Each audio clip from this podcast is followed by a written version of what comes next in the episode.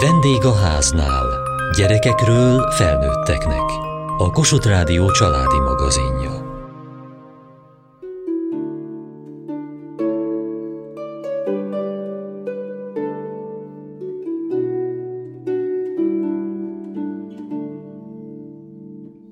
Varázslatos mesevilágával, humoros vagy épp megható történeteivel tért vissza a képernyőre szombatonként az M2 gyerekcsatorna saját gyártású bábsorozata, a Rozmarin kunyhó. A részekben hétről hétre előkerülnek azok a témák, amik minden gyerek életében meghatározóak az egészséges énhatárok kialakítása, a megfelelő feladatmegosztás, vagy éppen a düh kezelése, melynek egyik formája az is lehet, hogy a gyermekek világgá mennek. Miért mehet egy gyermek világgá? S mi lehet ilyenkor a megfelelő reakció a felnőttek részéről?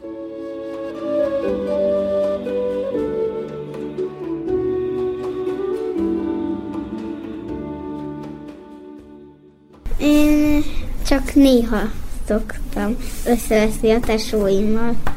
Én meg csak mérges vagyok apukámnál, de nem mondom ezt a szót, én csak ordítok nagyot, hogy mérges vagyok, és aztán meg megbeszélem, hogy miért. És aztán apukám meg mindig azt mondja, hogy neki van igaza, nekem meg nincs igazam.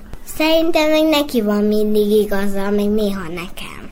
Én tíz éves körül lettem, és akkor így mondtam többször, hogy én világá megyek, de már nem tudom, hogy mi vesztünk össze, anyukámmal, vagy apukámmal, hát ilyen hülyeségeken gondolom, de igazából nem szoktam úgy összeveszni annyira, csak úgy nem annyira értünk egyet, de nem szedtem össze a ruháimat, meg nem volt semmilyen komolyság, csak mondtam. Dühös az voltam, viszont úgy, hogy én összepakolok, és akkor elmegyek világra, olyan nem volt. Mi volt ez az esemény, amikor dühös voltál? Amikor anyáink nem vettek meg egy játékot, olyan 5-6 éves lehettem. Levágtam magam a földre, azt hisztisztem.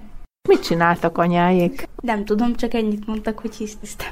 De azt tudom, hogy a játékot nem kaptam meg. Volt-e olyan, hogy kiskorodban világgá akartál menni? 12 éves koromban volt az, hogy ugye anyám nagyon felidegesített, mondtam, hogy elmegyek, el is mentem, sátraztam a barátaimmal, ezelőtt keresett tapokon keresztül, hogy hol vagyok már, egyáltalán nem volt kedvem hazamenni, aztán úgy el voltam. Mi az, amit te el akartál menni?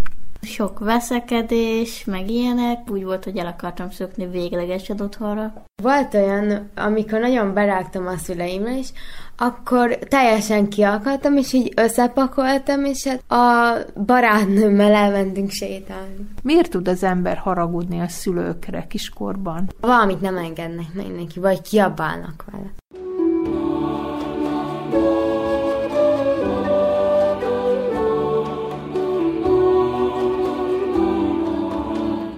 Volt-e olyan az önök családjában, hogy bármelyik gyermeke úgy gondolta, hogy most nyakába veszi a világot és elindul világgá? Én azt gondolom, hogy minden egészséges kisgyerek életében van ilyen. Tehát egyrészt a kíváncsiság, másrészt hallani minden felől olyanokat, hogy valaki világá ment, ugye a mesékből is lehet ilyet hallani. Igen, nálunk is volt ilyen. A kisfiam még óvodás volt, amikor egyszer valami miatt bedurcázott, és akkor ő kis hátizsákját a hátára vette, felhúzta a cipőjét, kabátját, elindult. Közölte, hogy ő most elindul világá?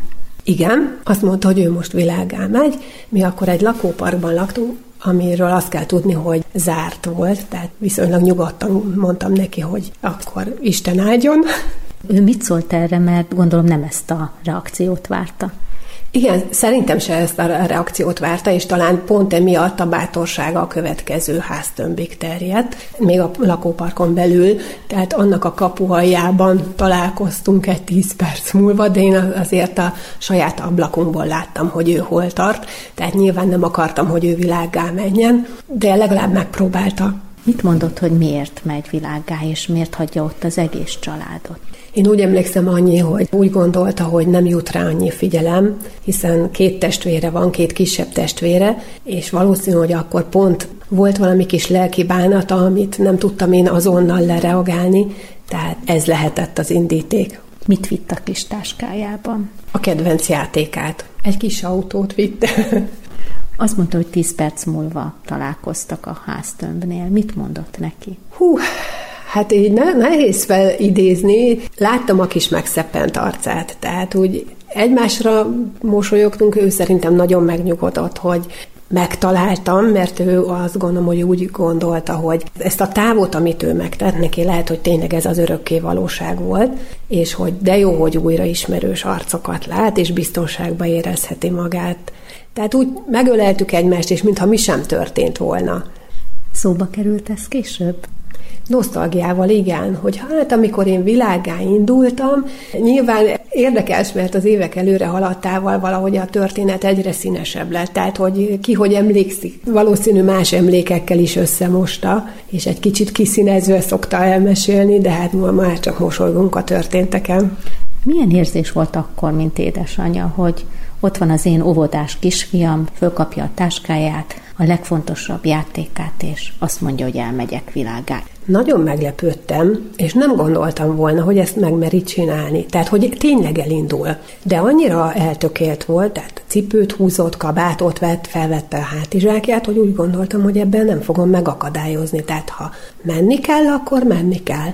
De nyilván úgy, hogy szemmel tartom. Tényleg döbbenet volt, hogy ekkora ilyen erős volt benne az indítatás. Ez lepett meg, hogy valószínű tényleg ő, ami ezt az egészet kiváltotta, az rá ilyen hatással volt. Ez egy figyelemfelhívás volt? Igen, azt gondolom, hogy igen. Ez egy jel, amit nekünk szülőknek vennünk kell. Amikor egymásra találtak és visszamentek, volt-e ebből esetleg később az, hogy megint világán megyek, ha ez így lesz? Nem, nagyon érdekes volt, hogy ez az egy alkalom volt. Még egyszer nem fordult elő.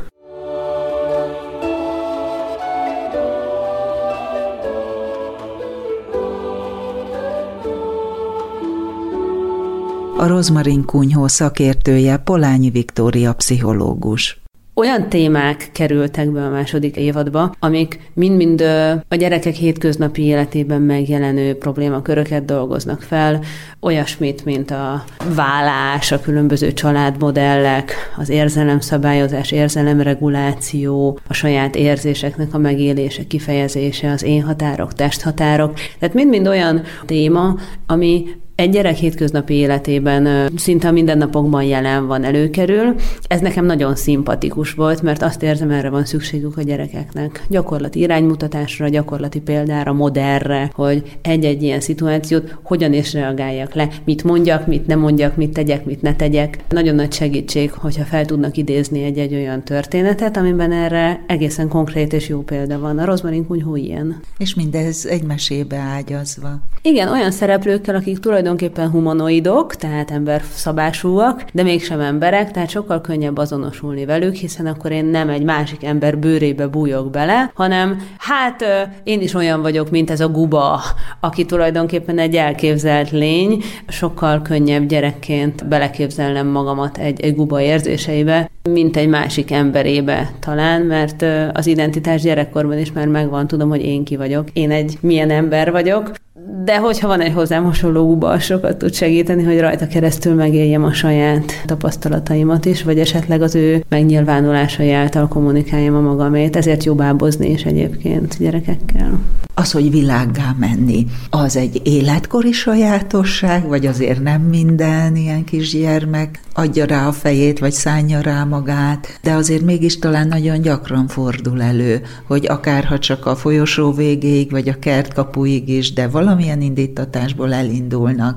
Lehetséges, hogy nagyon lázadó lesz, amit mondok, de szerintem nincs olyan hét, hogy én felnőttként ne érezném néha, hogy na most szeretnék világgá menni. Az az érzés, hogy most szeretnék kiszállni az események sodrából, egy kicsit szeretném lerakni a problémákat, távolabbról szemlélni az egészet, nem megoldani semmit, nem felelősséget vállalni, nem okosnak, fegyelmezetnek lenni, hanem egyszerűen csak mindenki hagyjon békén a csodával. Most nem tudok ezzel foglalkozni. Ez az érzés nem csak gyerekként, hanem felnőttként is megvan bennünk. Én azt gondolom, hogy nagyon fontos legitimizálni, tehát vállalhatóvá tenni azt, hogy ez az érzés létezik, megéljük, teljesen rendben van. Ugyanakkor muszáj kezdeni vele valamit, mert uh, míg felnőttként nem nagy ügy, hogyha becsapom magam mögött az ajtót, és kimegyek kiszellőztetni a fejemet, mert aztán hazatalálok, és aztán nem aggódnak annyira értem, mert tudják, hogy most erre van szükségem. Én például ilyenkor futni járok. Úgy gyerekként, ha az ember elindul valóban világá, akkor, akkor könnyen szembesülhet olyan helyzettel, amit nem tud egyedül megoldani, például egy forgalmas úttal, amit keresztezne, vagy az őt kereső szüleivel, akik agyon aggódják magukat. Gyerekként ezért is fontosabb, hogy ne az legyen az egyetlen módja az események sodrából való kiszállásnak, hogy becsapom magam mögött az ajtót és elindulok, hanem legyenek inkább olyan lelki szelepek, olyan lelki ajtók, amiket szintén, hanem is bevágni, de behúzni magunk mögött, és jelezni a környezetünknek, hogy most szükségünk van egy kis csendre, ezt igenis meg tudjuk valósítani, be tudjuk csukni ezt az ajtót magunkra. Az a gyerek, az, aki elindul világgal képen tehetetlennek érzi magát, akinek nincs eszköztára, hogy egy problémát megbeszéljen, kommunikáljon, feldolgozzon, aki nem érzi éppen biztonságban magát érzelmileg abban a közegben, amiben van, vagy aki azt érzi pont, hogy a saját érzelmei nem biztonságosak a környezete számára, ezért szeretné távolítani az egészet. Míg az egyik egy kicsit tudattalanabb verzió, addig a másik egy nagyon tudatos, nagyon jó kommunikáló, érzelmeit nagyon jó szabályozó gyereket kíván. Bármelyik okozhatja azt, hogy a gyerek világá megy, akár az is, hogy nem szeretném bántani a tesómat, anyát, apát azzal, hogy én most itt dühöngök. Szülőként nagyon nehéz az ilyen kitörő negatív érzéseket kezelni. Nagyon nehéz nekem nem, vagy szülőként bárkinek nem, nem hasonlóan ö, intenzív negatív érzésekkel reagálni. Egy ordító gyerekre nagyon nehéz nem visszaordítani, egy ideges, feszül gyerekre nagyon nehéz nyugodtan reagálni. Én azt hiszem, hogy, hogy úgy lehet kialakítani egyfajta ilyen érzelemszabályozást, hogyha felnőttként megmutatom azt, hogy nekem is vannak ezzel meccseim, én sem mindig tudom jól csinálni, de törekszem fejlődni ebben. Megmutatom azt, hogy nekem milyen eszköztáram van ahhoz, hogy ezt megoldjam. Tehát amikor én éppen nem jól vagyok egy helyzetben, akkor milliószor mondom a gyereknek azt, hogy figyelj, már nem tudok szépen beszélni veled, most kimegyek a konyhába, és elmosogatok, és addig nem beszélgetünk, mert most nagyon dühös vagyok, és nem tudom jól kezelni ezt a szituációt. És aztán, amikor tiszták lesznek az edények, akkor utána újult erővel és felfrissült türelemmel lehet ennek nekivágni. Ha sokszor lát ilyet modellként egy gyerek, akkor igen, ki tud alakítani egy olyan hozzáállást, aminek mondjuk része az, hogy megkímélem a saját pusztító dühömtől a szeretteimet. És én azt hiszem, hogy van is helye egyébként a világgámenésnek. Tehát, hogyha egy gyerek világgá akar menni, akkor nem feltétlenül az a jó megoldás, hogy bezárjuk az ajtót és megrettenünk. Én lehet, hogy túracipőt húznék, és azt mondanám, hogy jó, a sarokig elkísérlek. Ott a mező, ott látom, hogy merre vagy, mehetsz világgá. Bátran, én itt leszek a sarkon, ha bajod van, vissza tudsz jönni hozzám. És aztán utána ér világgá menni.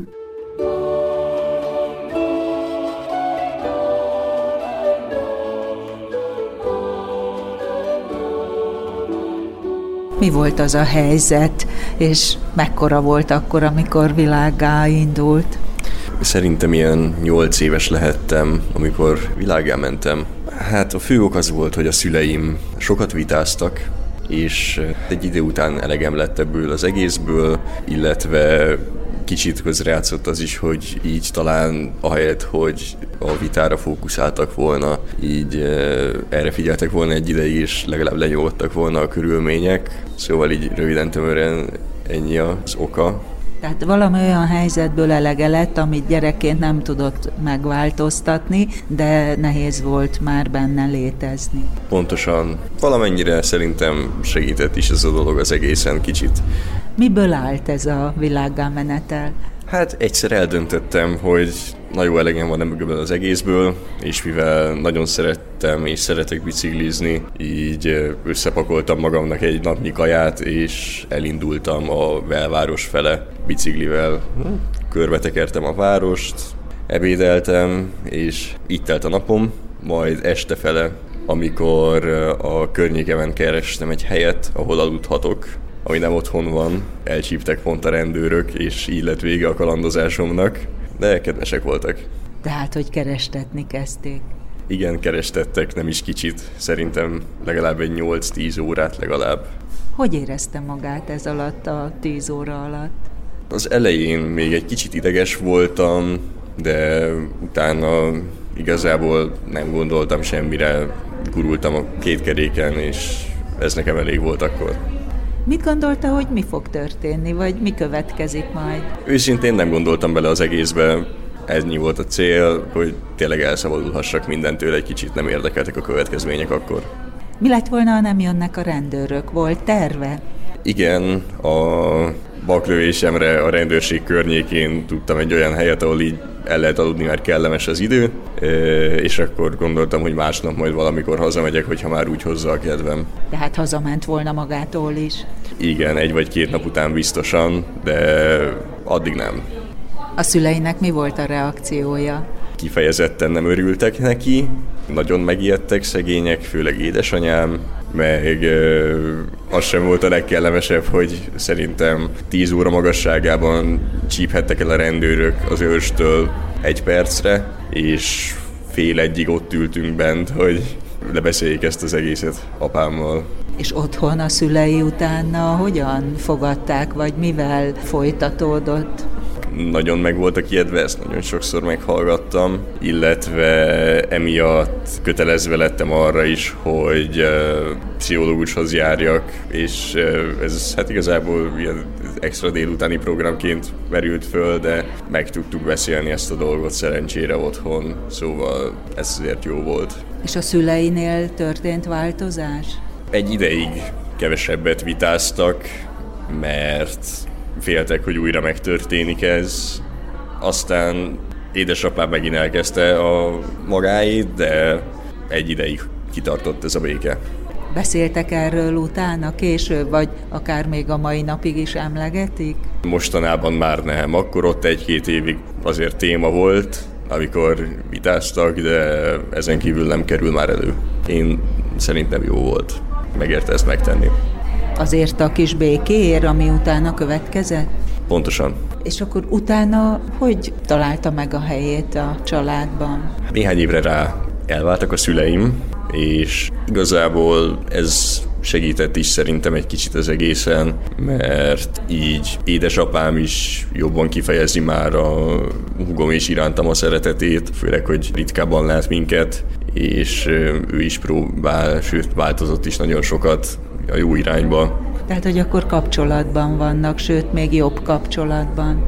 Igen, jobb kapcsolatban vagyunk most már bőven.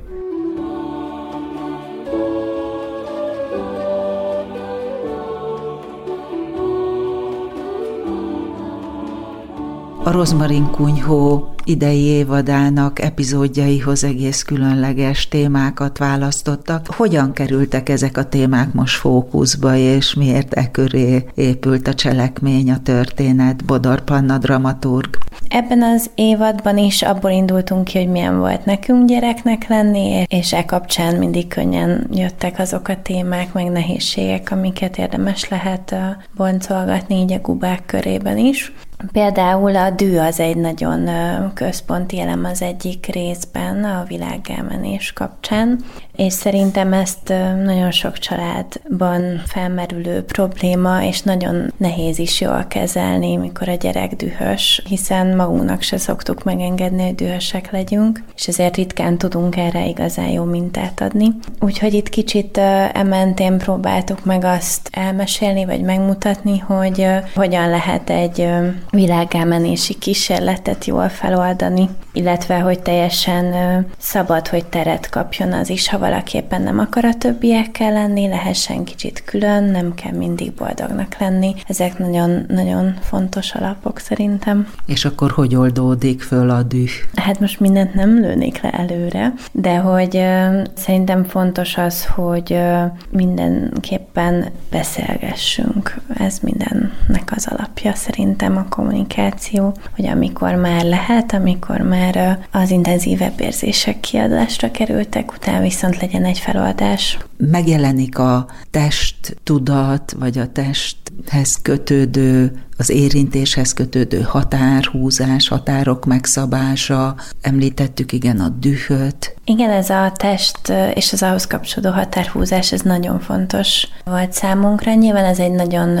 nehéz erről beszélni igazából, erről a témáról, hiszen sok családban még erről nem szokott szó esni, pedig nagyon hasznos lenne, hogyha már ott megtanulná a gyerek már egészen kicsi korában, hogy pusztán azért, mert udvarias fogadni egy puszit a távoli, nem tudom, melyik rokontól, attól még, hogyha az neki nem esik jól, mondhasson rá nemet, és nyilván ez egy nagyon apró példa, amit említek, de hogy ennél komolyabb dolgok is ugye felmerülhetnek. Nekünk az volt a fontos, hogy eleve a nemetmondás is bekerüljön, mint opció, és mind nem egy ilyen negatív, hanem abszolút pozitív dolog. És ezeken kívül még, amiről szó esik, Egyébként az orvos is egy új karakter, aki a sorozatba érkezik, mert az egyik kuba éppen beteg, és e kapcsán félelmekről is nagyon komplexen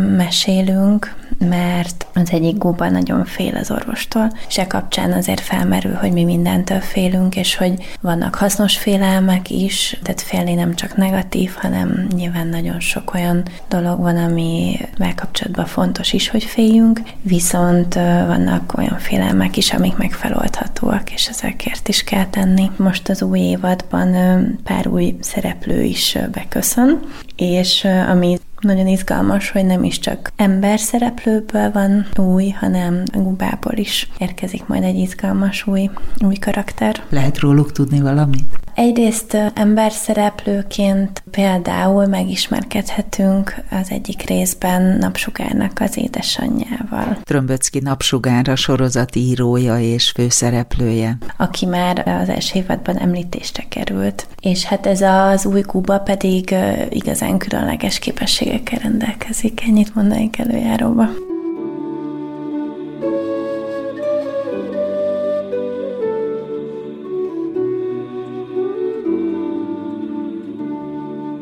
A Rozmarin Kunyhó legújabb epizódjai szombatonként 10 órától az M2 gyerekcsatorna műsorán láthatók. Kövessék műsorunkat podcaston, vagy keressék adásainkat a mediaclick.hu internetes oldalon. Várjuk leveleiket a vendégháznál kukac mtva.hu e-mail címen. Műsorunk témáiról a Kossuth Rádió Facebook oldalán is olvashatnak. Elhangzott a vendégháznál. A riporter Kataluccio Andrea, Juhász Tímea, a szerkesztő riporter Szendrei Edit, a gyártásvezető Mali Andrea, a felelős szerkesztő Hegyesi Gabriella.